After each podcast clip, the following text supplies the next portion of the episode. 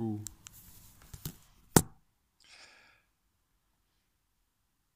Sveiki sugrįžę į besąlygiško tobulėjimo podcastą. Tai yra antrasis epizodas ir šį kartą aš negaišiu jūsų laiko prisistatydamas, o tiesiog iš karto perėsiu prie temos.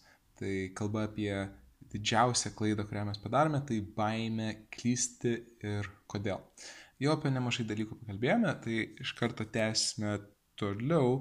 E, atšokant nuo temos, kurią pristačiau pirmo e, podcast'o dalyje, e, tai suvokimas, jog geriausi dalykai kartais yra tie, kurių mes labiausiai bijome. Ir dabar aš kalbu apie savo asmeninę patirtį, labai įdomią ir apie kurią papasakosiu išsamei ir duosiu netgi gyvų pavyzdžių. Tai yra jau toks reiškinys, jog kartais geriausi dalykai, kurie nutinka mūsų gyvenime, būna susiję su tuo, ko mes bijome. Atsižvelgiant į pirmąjį podcastą, galime sujungti tai su namo istorija, kurią pasakau, jog namas uždegtas visos šviesos, laukia tamsu, vyras kažko ieško, žmona klausia, ko tu ieškai, sako raktų, žmona klausia, kur tu juos pametėjai, vyras sako, pamečiau laukia, sako žmona, kodėl jų ieškai namuose, sako, namuose šviesu. A, tai lygiai tas pats ir mūsų gyvenimuose, jog dažniausiai atsakymai yra ten, kur mes nesame buvę, už mūsų komforto ribos, kitaip metaforiškai kalbant, tamsoje. Bet jeigu mes norime jas atrasti, eiti į tamsą bus baisu. Ir dažniausiai labai dažnai mes mėgstame ieškoti atsakymų ten, kur saugu, kur mes viską matėm, bet dažniausiai atsakymai, kurių mums reikia, nėra ten. Ir taip aš aiškinu tas, tą fenomeną, tą reiškinį, jog dažnai tai, ko mums iš tiesų reikia, tai, kas mums geriausia, yra tai, ko mes bijome. Ir duosiu, kaip minėjau, jums porą pavyzdžių iš savo gyvenimo, jog mm, įsitikintumėt, jog tai tiesa. E, tokių pavyzdžių aš turiu daug, e, daug kartų, kada aš bijojau ir nusprendžiau vis tiek tai padaryti, pas, pasiteisinau, jog tai buvo patys geriausi sprendimai mano gyvenime. E, tai taip dažnai įvyko, kad net aš galiausiai nusprendžiau, įpratau suprasti, kad jeigu aš bijau, stipriai bijau kažkokio sprendimo, aš sustoju, suprantu tai, nusišypsau sakau, o, reiškia bus kažkas gero. Ir faktiškai visada taip ir būna. Na tai tie pavyzdžiai. A, vienas didžiausių mano pavyzdžių, aš e, minėjau, jog esu youtuberis, tarptautiniu mastu leidžiu video, kuriuos pakankamai plačiai žiūri žmonės, jau, jau virš 7 milijonų peržiūrų yra bendrai surinkta. Ir vienas iš, tačiau iš tų 7 milijonų, 2 milijonai priklauso vienam konkrečiam video, tai mano sėkmingiausiam video, kuris vadinasi Aikido vs. MMA, Aikido prieš MMA. Tai ver, istorija verta savo pačio podcast'o, tačiau esmė yra tokia, jeigu trumpai kalbant, jeigu nieko nežinot apie Aikido, nieko nežinot apie MMA, tiesiog įsivaizduokit taip, kad aš nuėjau, aš nufilmavau video, kuriame mane nugali, kuriame aš pralaimiu, kuriame mane, na, saliginai sumuša Tai video toks, kokio niekas nenorėtų kelti. E, trumpas paaiškinimas, kodėl tai vyko, nes aš bandžiau visiems paaiškinti, jog Aikido, kovos menas, kurį aš daug metų treniravausi, jis nėra veiksmingas, ypač MMA maišytų kovos menų srityje, kovinėme sporte.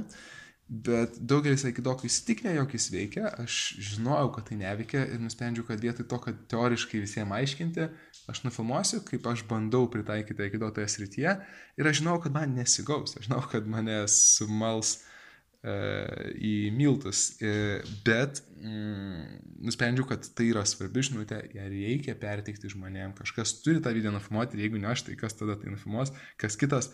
Viešai pralaimės ir bus sumuštas.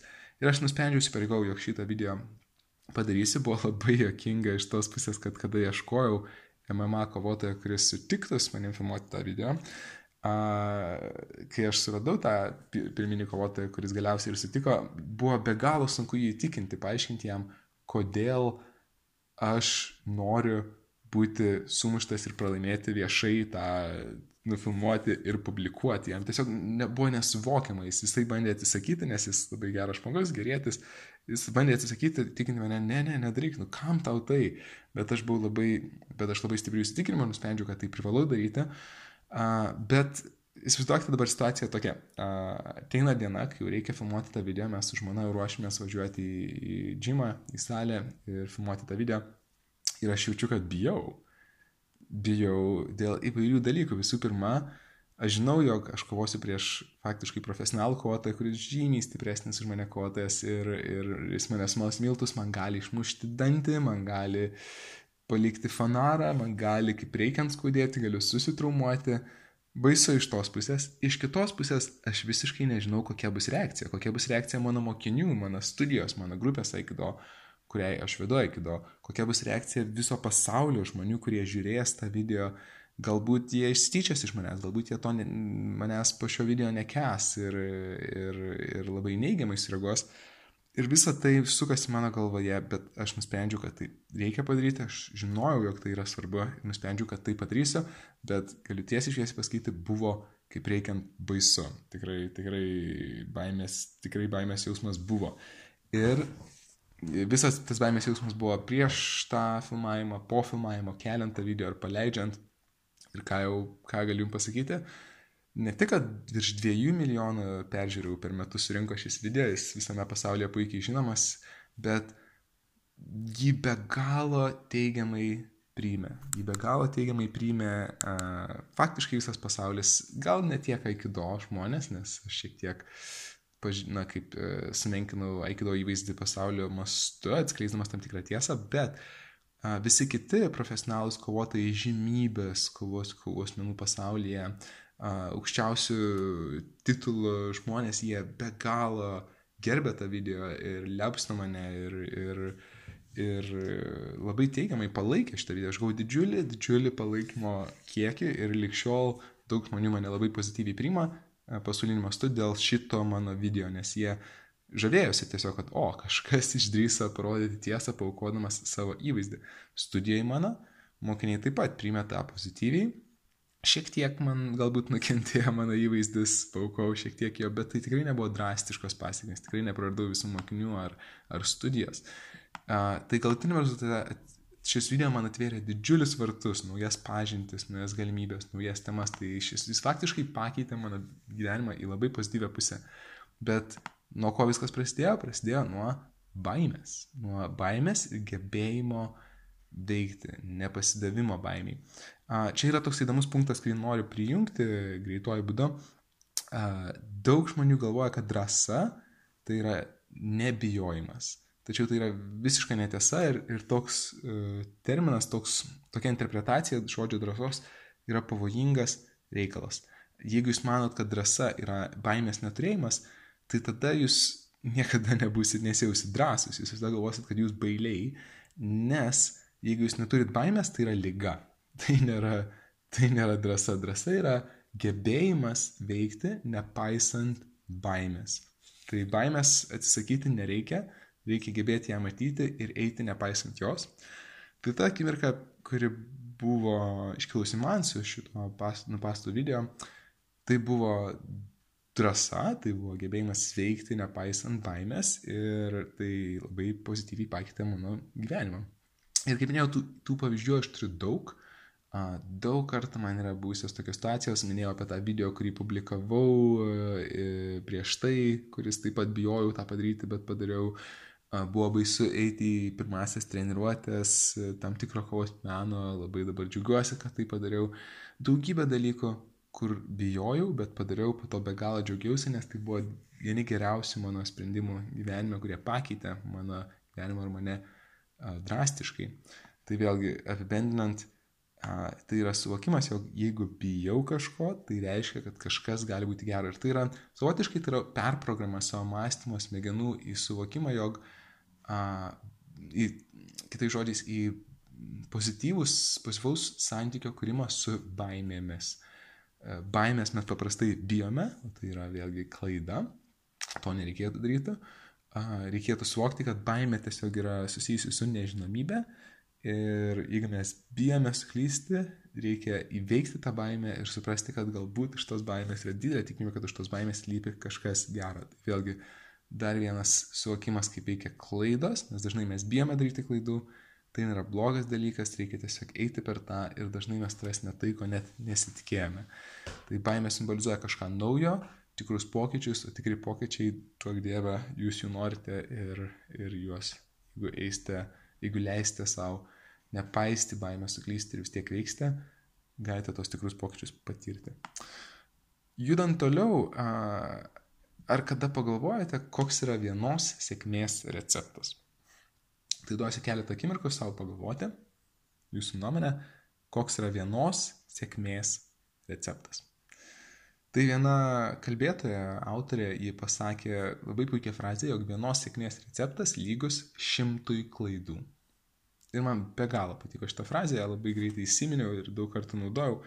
Tai suvokimas, jog jeigu norite, kad vieną kartą jums pasisektų, jums reikia padaryti šimtą klaidų. Ir žinoma, tai yra, na, tai yra metafora, pas posakis, pasakymas, bet jis atskiria tam tikrą principą, jog uh, mes daugiausiai išmokstame darant klaidas. Žinoma, aš paminėsiu vieną svarbų punktą.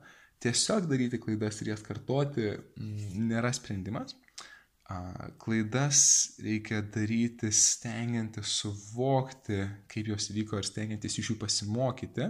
Mes privalome mokytis iš klaidų. Jeigu mes nesimokime iš klaidų ir tiesiog darome klaidas ir darome klaidas, darome klaidas, yra didelė tikimybė, jog, na taip, nieko gero iš to nebus.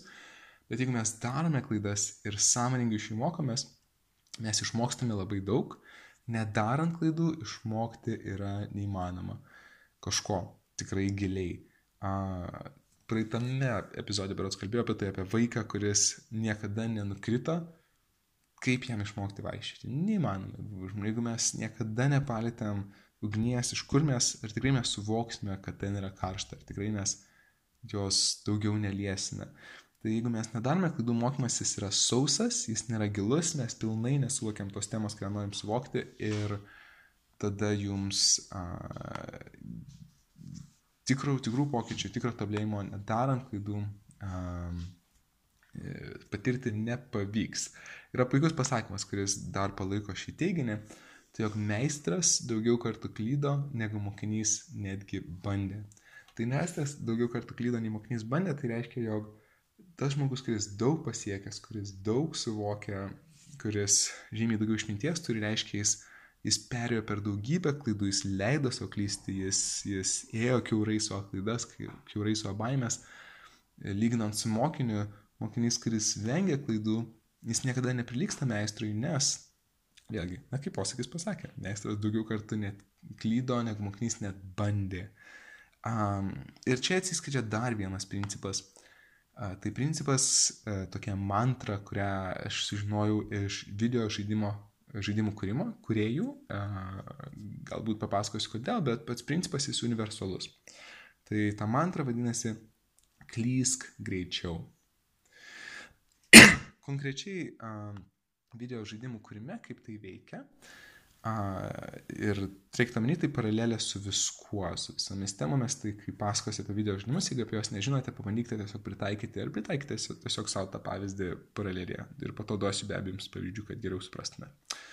Tai jeigu video žaidimų kuriai kūrė žaidimą ir jie nelei, tarkime, jie neduoda šio žaidimo pabandyti kitiems žmonėms, savo artimiesiam, jie laiko jį savo, kodėl, nes baisu suklysti, baisu gauti kritikos, baisu suvokti, jo kažkas ne taip.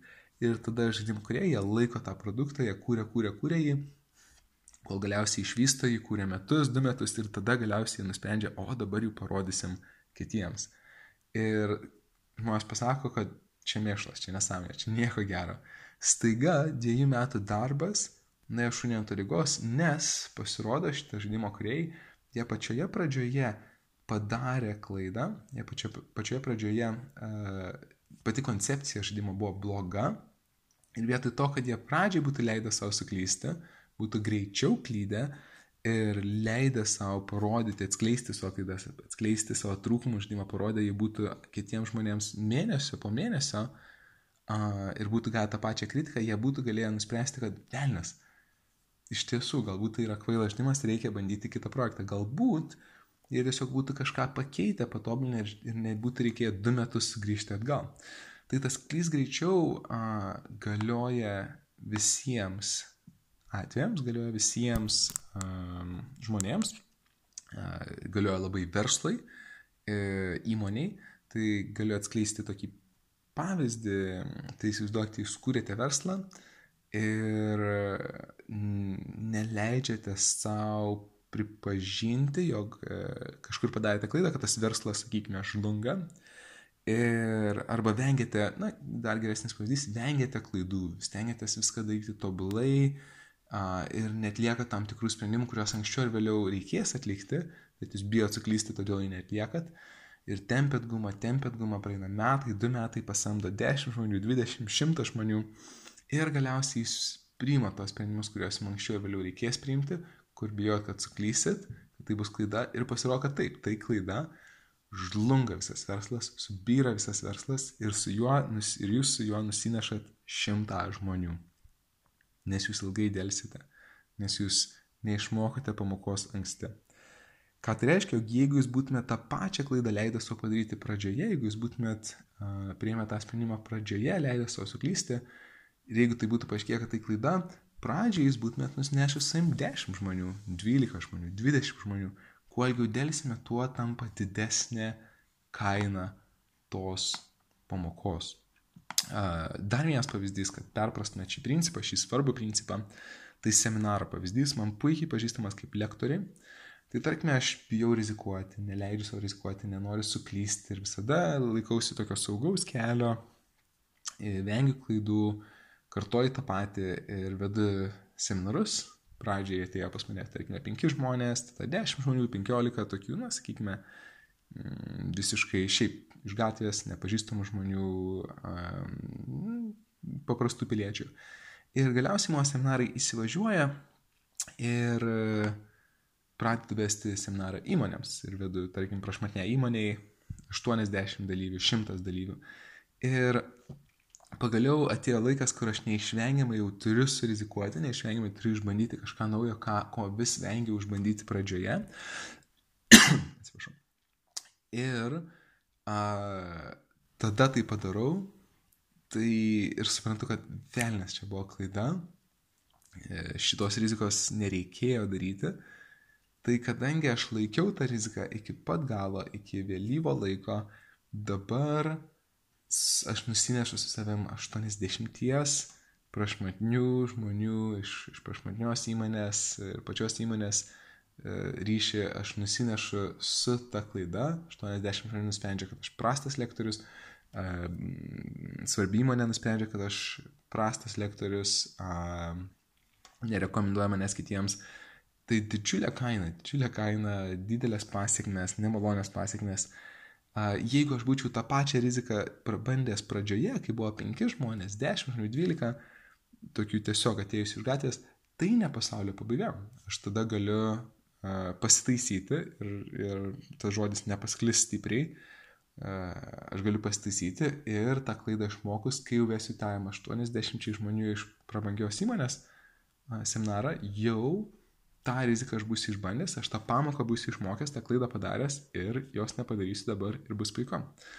Tuo pačiu metu dar vienas trumpas įdomus momentas šioje, šiame dėsnėje. Lygiai tas pats galioja, jeigu jūs uh, netgi tam 80 dalyvių tos prabangios įmonės padarė čia klaidą, turėkit omeny, tai ne pasaulio pabaiga, nes jeigu dar ilgiau būtumėte dėlse, galbūt būtumėte tūkstančiai žmonių tą patį padarę galbūt trim didelėm įmonėm, svarbiom įmonėm vienu metu, tai būtų dar didesnė klaida. Dėl to klysk greičiau. Mm, principas yra labai naudingas, yra suvokimas, jog anksčiau ir vėliau mes turėsime suklysti, anksčiau ir vėliau mes turėsime susmauti, tai geriau susmauti anksčiau nei vėliau, kad išmokti savo pamokas ir tų klaidų nekartoti vėliau. Tai mano patarimas - klyskit greičiau, neuždėlskit, neužlaikykit savo klaidų, mokinkitės iš jų kadangi klaida yra pamoka, tačiau ta pamoka turi kainą. Ta kaina tai klaidos pasiekmes. Jeigu jūs um, padarėte uh, klaidą anksti, tai pasiekmes nebus didelės, tokią kainą busit sumokėję ir tą kainą vis tiek reikės sumokėti. Na, neblogas pavyzdys yra uh, mano kito instruktorius, kada Aš tris metus, kaip minėjau, mokinausi Šveicarijoje pas, pas Aikido meistrą. ir tokį kaip gyvenimo būdą meistrą. Ir kada jau nusprendžiau grįžti į Lietuvą, atidaryti savo studiją, mes su juo leidome laiką kartu, sėdėdami automobilyje, važiuodami kartu ir kalbėjome apie, na, mano planus, apie tai, kas vyks. Ir pradėjome kalbėti apie santykius. Ir jis davė man patarimą santykiuose. Labai įdomu, aš jį labai gerai įsiminiau. Jis man pasakė, sako, Rokai, kai grįši į Lietuvą, Sako, sako, tu neskubėk susirasti rimtų santykių. Sako, pradžiai leis savo paturėti keletą tokių nedidelių, nereikšmingų santykių. Ir aš klausau toks susidomėjęs, kaip čia kas čia vyksta, apie ką čia kalba eina, toks neįprastas pokalbis, patarimas. Ir tada man mokytas sako, e, mano tuometinis mokytas sako, jog, sako, nes jeigu tu iš karto susirasi tą žmogų, su kuriuo norėsi praleisti visą likusį gyvenimą, tu būsi mažai santykių patirties turėjęs, būsi mažai klaidų padaręs tose santykiuose ir ne, nebūsi išmokęs pamokų ir vis tiek tas pamokas turėsi išmokti, vis tiek tas klaidas turėsi padaryti ir iš jų pasimokyti. Ir sako, jeigu tu mokysies su žmogumi, kurį iš tiesų myli, su kuriuo nori visą gyvenimą likusi praleisti, Tai gali būti, kad visas tas pamokas išmokus, tas žmogus tam net nebenorės būti, pabėgs nuo tavęs, nes, nes tiek tu daug nesąmonį pridarysi. Tuo tarpu, jeigu tu tas pačias klaidas padarysi su netokios reikšmingose santykiuose, su keletą įvairių merginų, uh, išmoksi tas pamokas, jos tave paliks, leisi savo suklysti ir kada susirasi jau tą aš visam likusiam gyvenimui žmogų, tada tu jau būsi žymiai geresnis, jau žinosi, ką daryti, ko nedaryti. Ir tai toks juokingas savotiškai pavyzdys, bet tame tiesos, žinoma, buvo ir, ir, ir puikus pavyzdys. To klysk greičiau, leisau klysti, nes, kaip minėjau, klaidos, kuo ilgiau mes dėlsime, klaida, pamoka turi savo kainą, mes turėsime jas mokėti, kad ją išmokti, tai geriau jau tebūnė ta kaina šiuo atveju, šiame pavyzdėje, mažiau mums rūpinti mergina, mažiau mums rūpintis vaikinas, mažiau rūpintis santykiai. Uh, ir vis tiek tai bus nemalonu, bet tai bus truputį nemalonu, negu uh, dėlisti, dėlisti, dėlisti ir tą pačią pamoką išmokti su svarbesniu mums žmogumi ir sumokėti didesnę kainą. Tai skirybos, elementai ir taip toliau. Viliuosi, kad supratote mano punktą, nes tai labai svarbus punktas. Ir po truputį jau uh, judant link e, šio epizodo pabaigos. E, panašu, kad dar mes išskaidysim ir šią dalį. Mm, netrukus užbaigsime ir paliksiu dar kokius penkis patarimus apie klaidas kitam epizodai. E, bet labai trumpai um, pabaigiant šią temą, kalbant apie tas kainas, apie, apie tai, jog klaida yra pamoka, tačiau ta pamoka turi kainą, ta kaina yra klaidos pasiekmes, kurias mes patiriam. Tai kainos dydis idealiausiai jis turi būti nekritinis. Ką aš turiu menyje, jog kada mes leidžiame savo klysti, leidžiame mokintis iš klaidų, Tai nereiškia, jog dabar darykite specialiai klaidas. Ne. Uh, tai reiškia, nevenkite klaidų, leiskite savo klysti, leiskite toms klaidoms natūraliai at, at, at, nutikti, rizikuokit, leiskite jam nutikti ir pasimokyti iš to, specialiai neikit ir nedarykit klaidų. Uh, bet tuo pačiu metu yra svarbu būti jautriam ir rinktis, kokias klaidas mes leidžiame daryti, nes visada mes galėsime rinktis, visada bus įvairių klaidų. Tai geriau jau rinktis daryti klaidas, kurios, kaip minėjau, ne, nekurs kritinių situacijų. Tai, na, duosiu pavyzdžių. Kritinės, kritinės, pats kritiškiausias, mano nuomonė, atvejis, kainos dydis yra mirtis. Taip, tai jeigu jūs nusprendėt, aš leisiu savo klysti, aš rizikuosiu, aš mokysiuosi iš klaidų ir eisiu šoksiu be parašyto iš lėktuvo, ir pažiūrėsiu, ar tai klaida ar ne, ir jeigu klaida aš iš to pasimokysiu, vajetų, na, greičiausiai grėsia mirtis, tokia, tokia ir nauda iš to. A, dar galbūt tai gali būti kalėjimas. Hmm, taip, na tai ne pati galbūt blogiausia situacija. Išgyvena žmonės kalėjimus, Mandela išgyveno, Gandis išgyveno kalėjimą ir, ir po to daug pasiekė ir galbūt joms to reikėjo. negalima to nurašyti, bet, bet tuo pačiu metu mes nenorim, kad apribotų mūsų laisvę jo labiau visam gyvenimui. Na tai yra rizikinga labai mm, kritinė ta, ta kaina. A, tai tokios mes taip pat norėtume išvengti.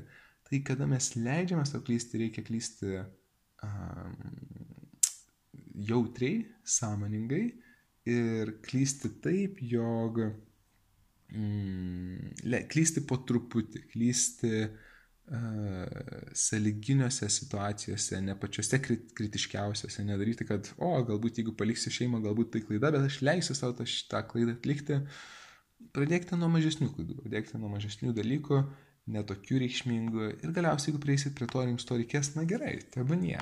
Bet nešokit iš karto prie didžiausių klaidų, prie didžiausių pasiekmių.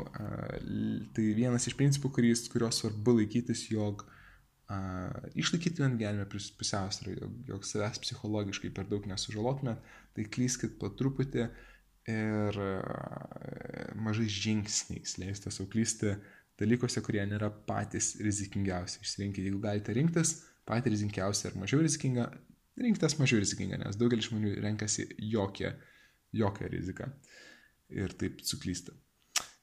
Um, taigi, kaip tą konkrečiai daryti, kaip klysti sėkmingai, sąmoningai, protingai, yra vienas principas, jis vadinamas 10 procentų principas, bet, kaip minėjau, jį paliksime jau kitam epizodui, tai kiek jau matau, bus trečiasis ir paskutinis epizodas besąlygiškam tobulėjime apie klaidas ateityje mes perėsim prie, prie baimės temų, kaip įveikti baimę. Um, taip, planuoju, planuoju apie daug ir įvairių dalykų kalbėti. Žadu kalbėti apie YouTube'inimą, kaip pradėti YouTube'ės kanalą, kaip, nes tai yra didžiulis mokslas, sudėtingas mokslas. Galėsime pakalbėti, kaip savo studiją pradėti, ar kaip aš pradėjau savo studiją, kitaip sakant, savo verslą pradėti, nes turiu tame patirties. Apie meditaciją, ramybę, streso valdymą. Yra daug temų, kuriomis aš įpratęs kalbėti ir esu daug informacijos surinkęs ir ją susistemizavęs. Tai apie visą tai pakalbėsime, bet pradžiai perėsime prie, perėsime pilnai klaidų temą, jog galėtumėt pagaliau leisti savo klysti. Pakalbėsime apie 10 procentų principą, kaip klysti sąmoningai, taktiškai, protingai Dar papasakosiu seriją puikių istorijų, kurios labai gerai leis perpasti, kaip veikia klaidos. Na ir tuo pačiu metu plus kitos temos ir apibendrinsime visas, visas, visas, visas, visas temas, jog pilnai pasisankime šią temą. Šiaip ar taip, jeigu turite klausimų, jeigu išklausite šį visą podcastą ir norite konkrečios temos, jūs domina kažkokia konkrečia tema, norėtumėt uh, išgirsti vat, gerą pusvalandį susistemizuotos, išgrynintos informacijos su istorijomis, su, asmeniniais pavyzdžiais, kažkokia asmeninio tobulėjimo, savęs realizavimo tema. Parašykit man, parašykit į komentarus, kur radote šį podcastą, parašykite į man į Facebooką, Rokas Lenavičius, susiraskit. Man tikrai bus įdomu sužinoti, kokios jūsų temos e, jūs domina. Su mielu noriu tai atsižvelgsiu. Be abejo, aš nesu visagalis, niekas nėra visagalis. Ir uh, galėsiu atsakyti tik tos klausimus, kurie, kuriuos esu tikrai gerai išnagrinėjęs pats, bet tų klausimų yra nemažai. Galų gale gal tiesiog galėsiu atsakyti ir pasakyti savo tiesiog asmeninę nuomonę. Na, tai jeigu turite klausimų, kažkas jūs konkrečiai domina, ką norėt, apie ką norėtumėte išgirsti mano nuomonę, drąsiai parašykit, neskupinkit, leiskite savo suklysti. Ir vienai per kitaip mes pasimatysime sekančiame epizode besąlygiško tobulėjimo podcast'o. Manau, kad išklausėte iki pabaigos ir pasimatysime tada.